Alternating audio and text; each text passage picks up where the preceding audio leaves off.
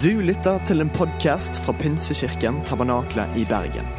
Vi tror at kirken skal være en plass hvor mennesker trives gjennom alle livets faser. En kirke for hele livet. Ønsker du å bli bedre kjent med oss eller holde deg oppdatert? Besøk vår Facebook-side eller ptb.no. Her er ukens tale. Nå har ikke jeg levd veldig lenge, men jeg har levd lenge nok til å forstå at mennesker er fantastiske. Og himla kompliserte. Og jeg har først og fremst lært det gjennom meg sjøl. Hvor utrolig komplisert jeg er. Jeg som er en enkel kar fra bygda er jo så utrolig komplisert. Det er så mye greier enn meg. Der noen sier noe, og så treffer det på en rar måte, og så kobles det til noe annet i livet som skjedde for lenge siden, og så kjenner jeg på følelser, og så gjør jeg noe jeg ikke hadde tenkt å gjøre, som jeg ikke tror var lurt å gjøre i det hele tatt. Og så er jeg så komplisert. Og så kjenner jeg en som er enda mer komplisert enn meg, og det er min kone. Og det er positivt, altså. Og så lærer vi gjennom livet, gjennom vennskap, gjennom å vokse opp i en familie, gjennom eh, kollegaer, gjennom barn, barnebarn, så lærer man at vi er så kompliserte.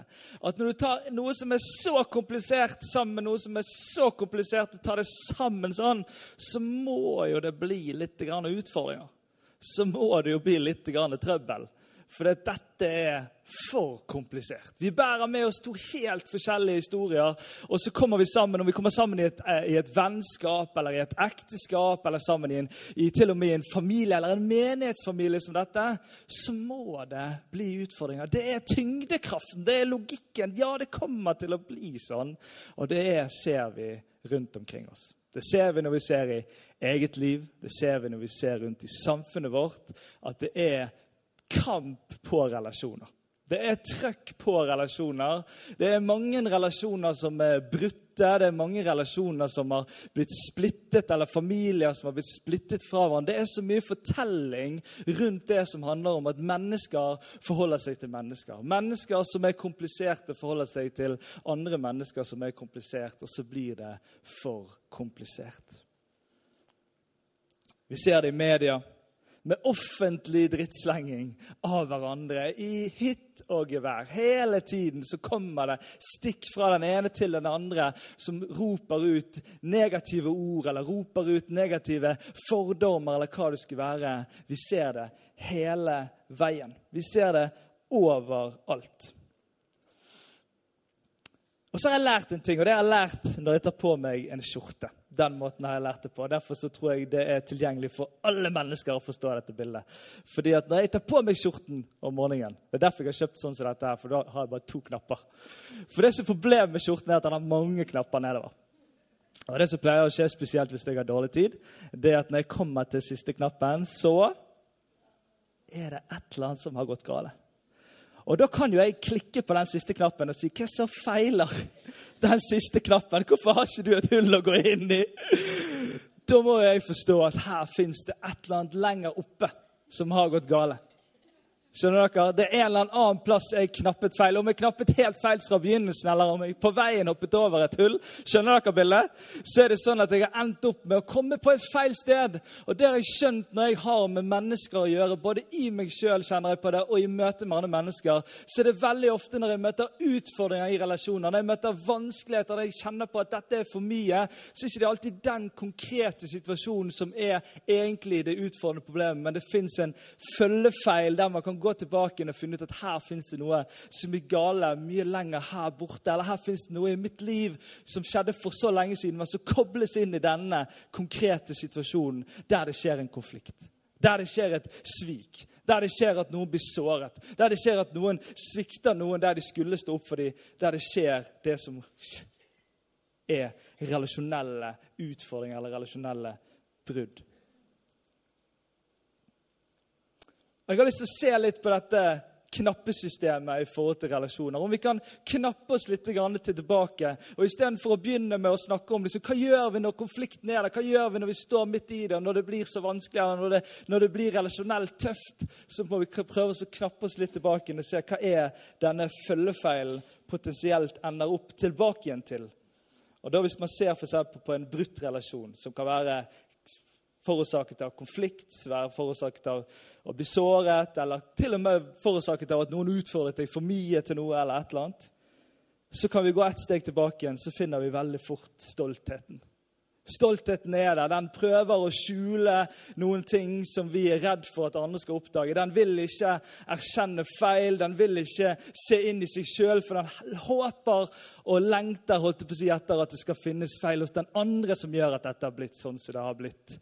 Og så er det nesten som en liten sånn der eh, hanekamp. Har dere sett sånne hanekamper? Altså, Jeg ser for meg han. Han er litt sånn Du tuller ikke med meg? Har dere sett han? Jeg ser for meg at det var veldig morsomt. det jeg skulle gjøre sånn, men jeg vet ikke om det var så morsomt. Og men hane, hane, sant? dere har hørt om hanefight sant? eller hanekamp. og Det er liksom noe med denne stolte hanen som er litt sånn Hei, du skal ikke komme her og komme her. Og så blir det veldig fort en situasjon som ender opp i vind og tap. En vinner og en taper. En som kommer ut av det tenker at ja, det var ikke meg, det var ikke, det var ikke jeg som gjorde noe, det var den. Og så er det andre som kommer ut av det knust og nedbrutt. Og så må vi se videre. Hva er det denne stoltheten egentlig prøver å skjule? Veldig ofte så prøver han å skjule en eller annen form for usikkerhet. En eller annen form for usikkerhet som ligger inni oss. En usikkerhet knyttet til som, som, som, utspiller seg gjennom at man sier ting man ikke hadde tenkt å si. En usikkerhet som utspiller seg gjennom at man handler på en måte man ikke hadde tenkt å handle, fordi at man prøver å skjule et enda mer grunnleggende utfordring som ligger helt tilbake igjen til det som har med identitet og verdi. Hvis hele denne konflikten kan føre til at jeg mister mitt siste flik av verdien, min siste tro på at det er sånn som dette jeg er Selvfølgelig kjemper man med nebb og klør for å holde på det. Selvfølgelig prøver man å få den andre til å tape og sjøl skulle på en måte vinne. Der selvbildet er så skjørt at det tåler ikke en runde til. Og For å takle dette som vi noen ganger ser i relasjoner og i oss, så bygger vi opp murer av overfladiskhet. Murer som hindrer mennesker, som prøver å komme seg inn i livet. Prøver å komme litt mer på dybden enn den praten om været og at det snør i mai. Kommer litt lenger inn, så har vi murer og forsvarstropper som sier nei, nei, nei, nei, nei. Her får ikke du komme. Du får ikke komme og ødelegge mer. Og du får heller ikke komme og hjelpe, for det har ingenting har hjulpet før.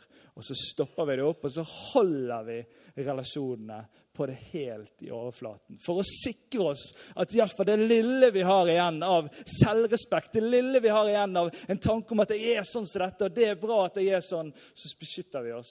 Og så ender vi opp med mange relasjoner, med mange overfladiske relasjoner rundt omkring i livet vårt.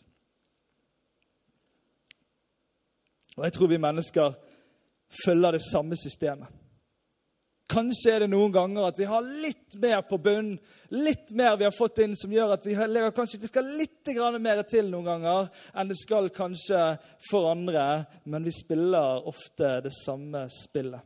Kanskje en litt bedre versjon noen ganger i menighet, men det er ikke et annet spill. For kan det være at når Jesus går rundt på jorden, når han viser oss en måte å være på overfor andre mennesker, så er han så radikal at han nesten introduserer et helt nytt spill med helt nye spilleregler og et helt nytt utgangspunkt for hvordan vi skal forholde oss til hverandre.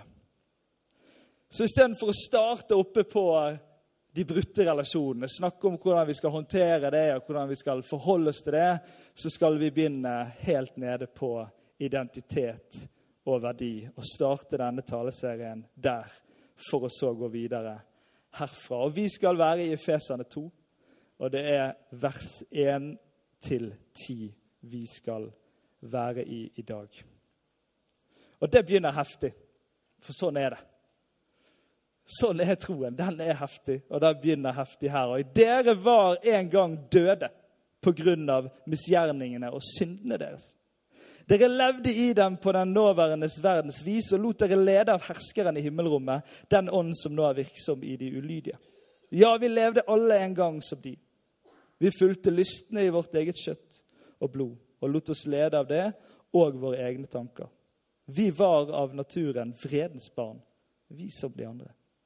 Men Gud er rik på barmhjertighet. Fordi han elsket oss med så stor en kjærlighet, gjorde han oss levende med Kristus. Vi som var døde pga. våre misgjerninger. Av nåde er dere frelst. I Kristus Jesus har han reist oss opp fra døden sammen med ham og satt oss i himmelen med ham. Slik ville han i de kommende tider vise hvor overstrømmende rik han er på nåde, og hvor god han er mot oss i Kristus Jesus. For av nåde er dere frelst ved tro. Det er ikke deres eget verk, men Guds gave. Det hviler ikke på gjerninger for at ingen skal skryte av seg selv. For vi er Hans verk, skapt i Kristus Jesus til gode gjerninger. Som Gud på forhånd har lagt ferdige for at vi skulle vandre i dem. Det kan virke som at Gud forutser noe når han skaper de første menneskene. Der det blir dannet en egen hage, det er lukket og fint, det er sammen med Gud, og det er sånn det var ment til å være. Men pga. Guds ønske om den ekte kjærligheten til sitt skaperverk og fra sitt skaperverk, så er det helt fra starten av en fri vilje som ligger som et fundament for at det kan være ekte kjærlighet. Og Derfor så er det sånn at mennesker kan velge seg ut av dette ved å spise av det treet de ikke skulle spise av. Og så går fortellingen sånn at mennesket faller for den fristelsen, og synden kommer for første gang inn i verden. Noe som den har kommet gang på gang på gang siden i mitt og ditt liv. Synden er kommet, og den er kommet for å bli her på jorden.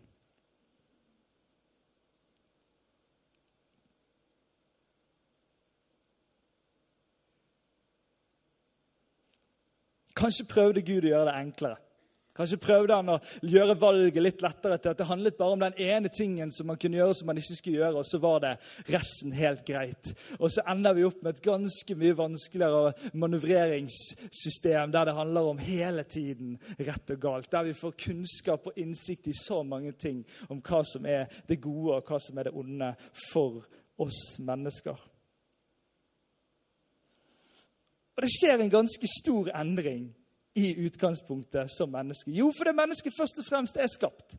Og ønsket og elsket og ønsket om å være sammen med oss. Gud skaper i det den hensikt, i kjærlighet, i ønske om å være sammen med. Og Så skjer det noe med dette utgangspunktet at vi er ønsket og elsket. og Det skjer ikke noe med det, men det kommer noe i tillegg inn, som er denne synden. Som er denne døden, som forandrer utgangspunktet av at vi ikke lenger er der vi skal være, men vi er døde, står det. Det står at vi er uten håp, det står at vi er uten muligheter til det som vi egentlig var skapt til å leve i. Derfor brukes det så sterke bilder som død. For døden er uten håp håp. Døden er uten mening. Døden er der som, som noe som er konsekvensen av synden, som ikke er noe i seg sjøl som er godt i det hele tatt.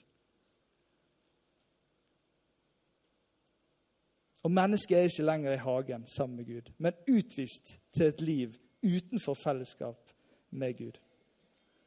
Noen ganger så tror jeg vi mangler en sunn synserkjennelse. Erkjennelsen av at jeg er en synder, og jeg gjør synd. Og den synden jeg gjør, den har konsekvenser for meg, og den har konsekvenser for mennesker rundt meg. Og mitt forhold til Gud. Jeg hadde vært uten håp, uten hensikt, uten større mening om ikke Gud hadde grepet inn og ordnet problemet. Synd er ikke en teologisk lære eller en ting vi filosoferer over. Synd er personlig, og det handler om mine tanker og mine handlinger. Det handler om dine tanker og dine handlinger. Det er ikke noe som vi konsept forholder oss til som kristne. Det er personlig.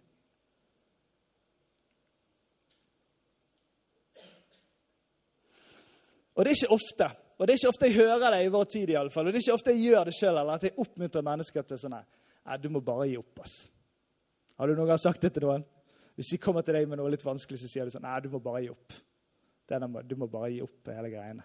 Vi har jo veldig det der i oss, sant? at vi skal være litt sånn, ja, men da skal vi oppmuntre. og ta tak. Men i dag kommer jeg med et oppmuntrende budskap om å gi opp.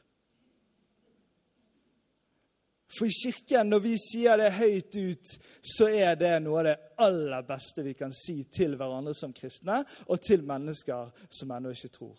Det er at du har fått muligheten til å gi opp. Du har fått muligheten til å gi opp verdens verste selvrettferdighetsprosjekt som aldri kan vinne. Du har fått muligheten til å gi opp kampen om å overleve med egne tilkortkomne krefter. Du har fått muligheten til å gi opp. Og når du gir opp, så kommer du i posisjon til å ta imot. Og Da kommer dette nydelige. Jeg leser det igjen. Men Gud er rik på barmhjertighet. Fordi han har elsket oss med så stor en kjærlighet, gjorde han oss levende med Kristus, vi som var døde pga. våre misgjerninger.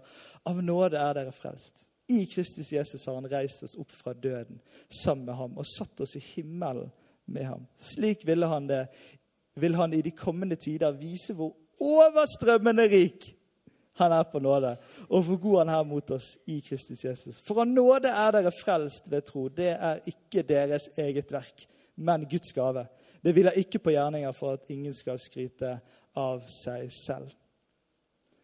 Dette kaller jeg nådens fundament. Nådens fundament av å gi opp og ta imot. Å leve på nådens fundament handler om det at vi får lov til å gi opp vårt destruktive og forvridde jeg. Som kjemper den umulige kampen mot synden og døden. Og det vi tar imot, er vårt skapte og egentlige jeg som bæres på nådens fundament, som alltid holder. Og det er dette egentlig jeg som i klartekst blir sagt til Jesus når han starter sin tjeneste og blir døpt. Så lyder det en røst fra himmelen i Matteus 3, 17. Dette er min sønn, den elskede. I ham har jeg min glede.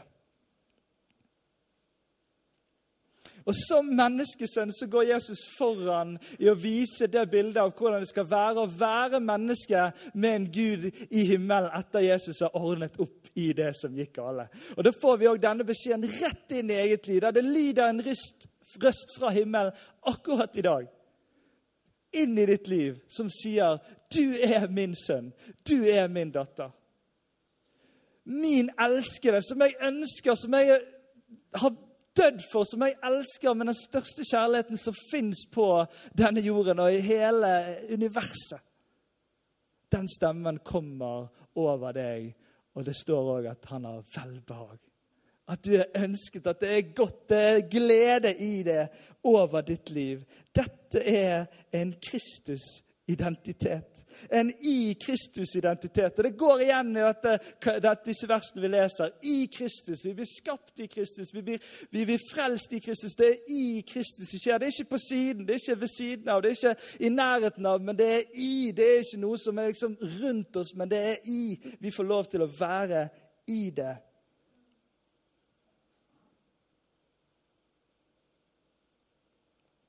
Den identiteten forandrer hele relasjonsutgangspunktet. Både for din relasjon for deg sjøl, altså din relasjon til deg sjøl, din relasjon til Gud og til andre mennesker. Det dypeste utgangspunktet i livet, identitet og verdi, hviler på Han og ikke oss. På en gave, ikke en fortjeneste. Derfor blir setningen 'å finne seg sjøl' noe helt annet i kristen tro. Det blir endret til å la seg bli funnet av Gud. Og Du tenker kanskje hvorfor er han så voldsomt begeistra for dette? da? Dette har jo vi hørt før, men for meg er det blitt så stort. Det forandrer alt.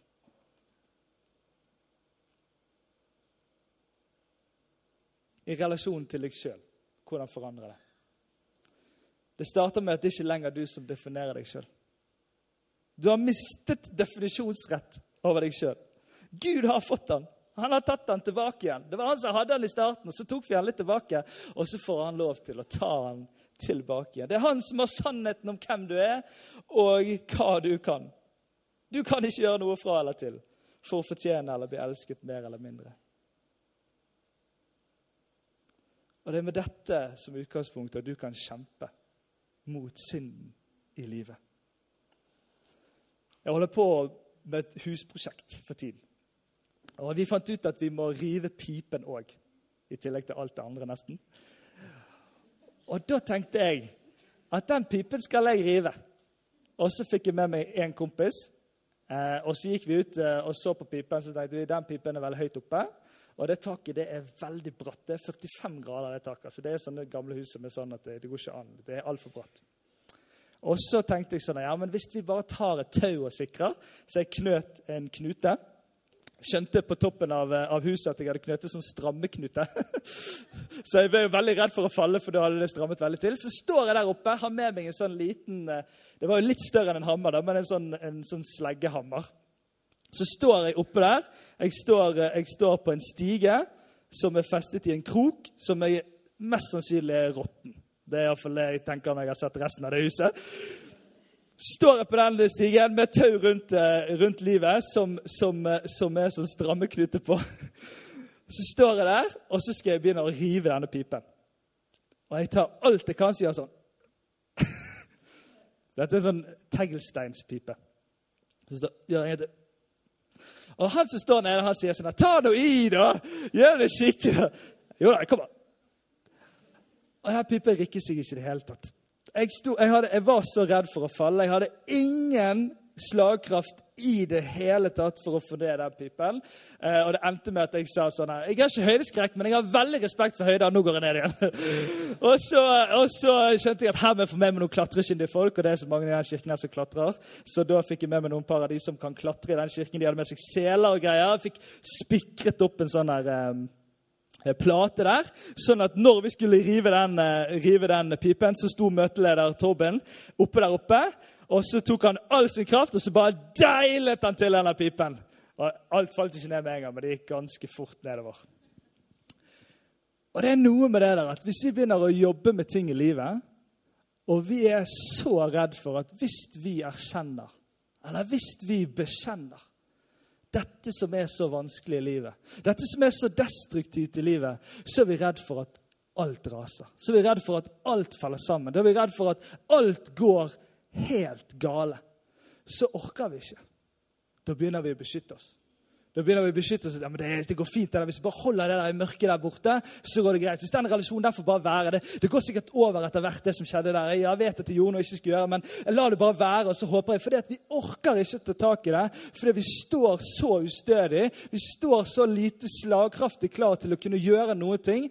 Fordi at vi står rett og slett ikke på et godt nok fundament. Vi har ikke sikringen på plass, og tryggheten er der ikke. Og vi klarer ikke å gjøre noe med det. Romane 6, 12-14 snakker om vårt forhold til synd. Og der står det La altså ikke synden herske i den dødelige kroppen deres, så dere følger kroppens lyster. Still ikke lemmene eller kropp, kroppen deres eller kroppsdelen deres til tjeneste for synden, som våpen for urett. Men still dere selv. Men still dere selv og lemmene deres til tjeneste for Gud, som våpen for det som er, for det som er rett.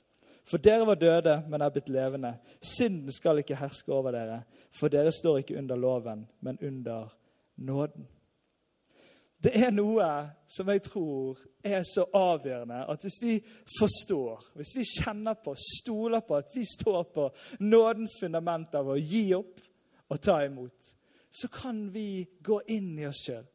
Så kan vi gå inn og møte de mørkeste sidene i oss sjøl, for å så kunne ta et oppgjør med det. For vi vet at vi står på noe som er uavhengig av oss sjøl. Og vi vet at vi lever i en kraft som er utenom oss sjøl. Da får vi muligheten til å slå ned den pipen med en helt annen kraft. Fordi at vi står stødig, og vi er sikret med en sikring som alltid holder uansett. Jeg har vært mye på båtturer i mitt liv. Vokst opp med sjøen. Og Det jeg lærte veldig tidlig, det var at hold deg i båten.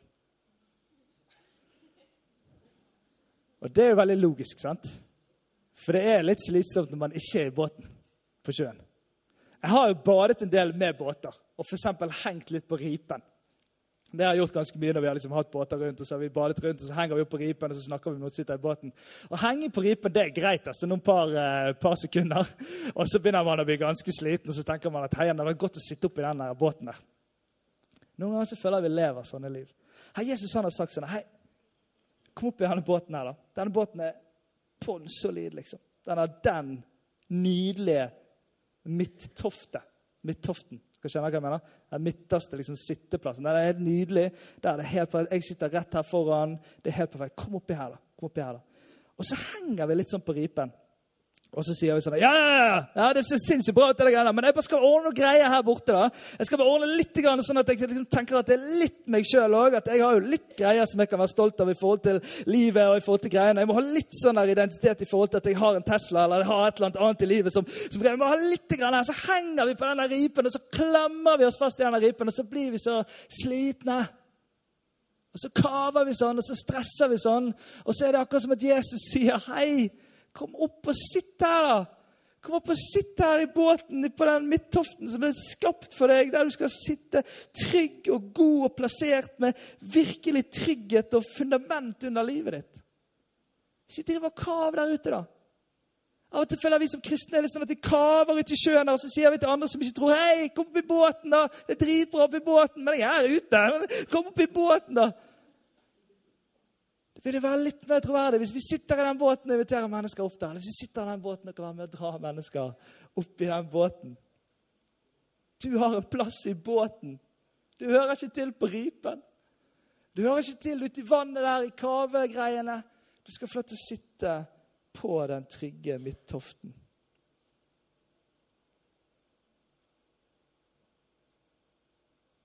Dette tror jeg forandrer alt i forhold til relasjoner med andre.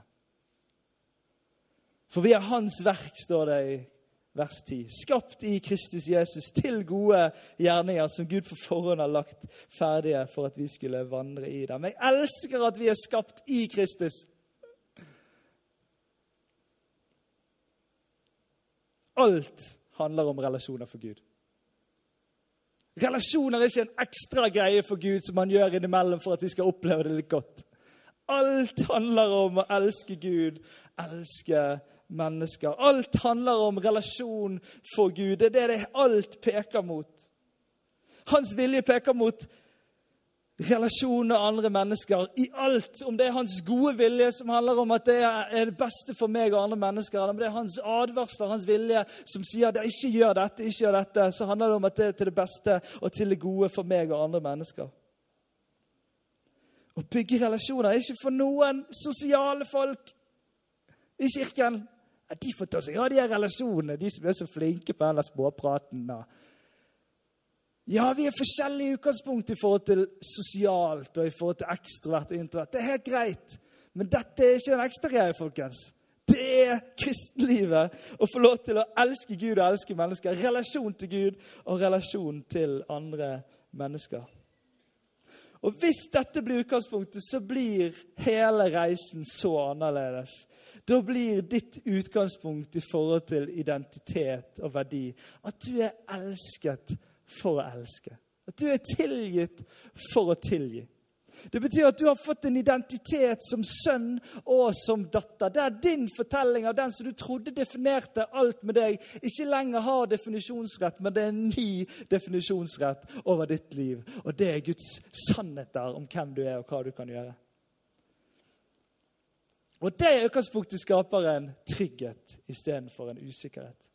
En trygghet som ikke er plassert i at jeg får nok bekreftelser i forhold til hvordan det går med kristenlivet mitt, eller nok bekreftelser i forhold til hvordan ting fungerer og ser ut i livet mitt. Men en trygghet som er plassert her inne, der jeg har fått nok anerkjennelse, nok trygghet til at jeg har fått det jeg trenger. Og det skaper en trygghet som gjør at man blir annerledes. Jeg husker så godt når jeg giftet meg. Jeg husker Forloverne mine hadde en tale til meg, og den var helt, jeg kunne ikke gjenfortalt så mye av den talen her. Men var, det var veldig morsomt. de gjort masse greier. Og så kommer de til et punkt som berørte meg så dypt. fordi de sa André, du før så var du midtpunktet som tok all oppmerksomheten. Men nå er du blitt midtpunktet som fordeler oppmerksomheten. Og Det berørte meg så sterkt, for jeg tror ikke de skjønte hva, hvor dypt det gikk inni meg. For Det var ikke sånn at jeg hadde tatt et oppgjør med dette i livet, men det var sånn at jeg trodde at dette var noe Gud hadde gjort i meg i en tid der jeg hadde gitt meg over til Han, i en tid som var så definerende for mitt liv. Og så fikk jeg noen som ikke skjønte hva de egentlig bekreftet, at her er det noen som har snudd inni her. Jeg driver ikke lenger og kjemper for all oppmerksomheten for å få han til meg sjøl og få bekreftelsen, men for å kunne få lov til å gi han videre og fordele han rundt og bekrefte mennesker. Og Denne tryggheten tåler alle slags mennesker. Det betyr at man blir så trygg i seg sjøl at man tåler å være rundt mennesker som ikke er det. Jesus valgte jo en helt håpløs gjeng av disipler. Det var jo mennesker som hadde så mange problemer på så mange områder av livet, akkurat sånn som oss. Men han var trygg nok til å kunne velge disse, og at de var med og skrev den fortellingen som vi er en del av i dag. Og så går vi fra stolthet til ydmykhet. Den tilgitte synderen vet at her er det så mye galt i eget liv at jeg kan ikke drive og skulle liksom leve på å finne masse feil hos andre og føle det bedre på den måten. Her er mitt utgangspunkt. Jeg vet hva det er. Jeg er den elskede synderen som synder. Fortsatt. Selv om jeg har fått alle disse tingene, så er det fortsatt sånn at jeg gjør det. For jeg lever i det fortsatt av å fortsette å gi opp. Fortsette å ta imot. Det holder, det stoler der, men jeg velger fortsatt å vende om. Jeg velger fortsatt å snu meg vekk, og så blir det en ydmykhet istedenfor en stolthet. En ydmykhet som alltid ser etter mulighet for å tilgi eller be om tilgivelse. Som ikke blir som hanefighten der det er en vinner og en taper, men som prøver å se videre. Er det noe annet i denne konflikten i denne relasjonen som har ført oss her vi er nå? Er det noe i meg som jeg kan se etter og ta tak i. Jeg har jo ikke noe å tape. Så går man fra brutte og overfladiske relasjoner til gjenopprettede og sunne relasjoner. Og Det er det vi skal snakke om de neste ukene. Og Derfor så blir hele rekkefølgen annerledes. Den blir snudd opp ned, der det starter med at identiteten vår er på plass. Den gir oss en trygghet. Så her kan man sitte på midt i båten med skuldrene nede og si 'her er jeg'. Og Den tryggheten gir oss muligheten til å ta oppgjør med ting som ikke er bra for oss andre. Og så får vi lov til å være ydmyke, og så får vi lov til å se at dette er noe som jeg kan få lov til å være med på. Av å se noen relasjoner bli gjenopprettet igjen. Noen mennesker blir gjenopprettet igjen. Så får jeg være med på dette, og så går jeg i motsatt vei av samfunnet, der det blir mer og mer overfladisk, så får være med på å være mer og mer ekte, mer og mer autentisk, mer og mer nært på mennesker. Bryte gjennom overfladiskhetens murer som folk har bygget opp på en god måte for å være med på det, og så sette mennesker fri. For det er den friheten vi tror på. Det er ikke bare friheten fra, fra, fra synd, frihet fra død, men det er også frihet fra oss sjøl i det. Frihet fra at jeg trenger ikke leve for meg sjøl lenger. Jeg trenger ikke å kjempe for å bygge et eller annet byggverk som er mitt liv, så folk skal se på og tenke at det er så bra. Jeg får lov til å sitte i båten og være der. Sammen med han som elsker meg, som ønsker meg. Du skal få lov til å høre noen sånne ord bli sunget inn i ditt liv nå. Så ta imot mens du sitter her, så skal de synge over deg og over oss.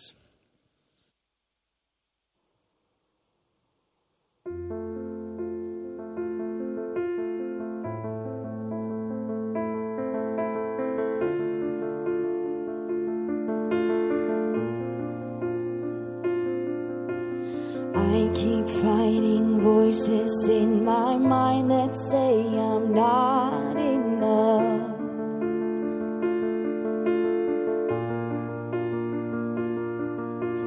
Every single lie that tells me I will never measure up.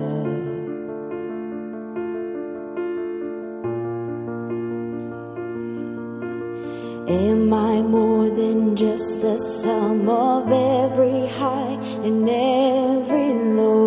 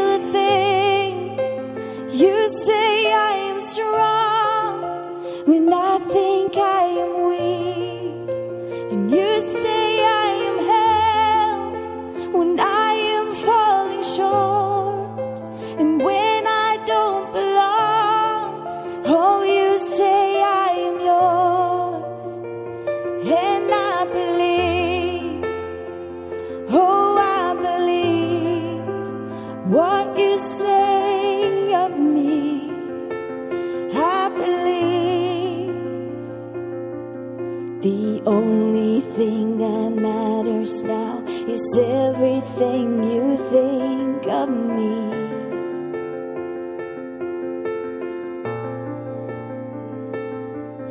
In you I find my worth, in you I find my identity.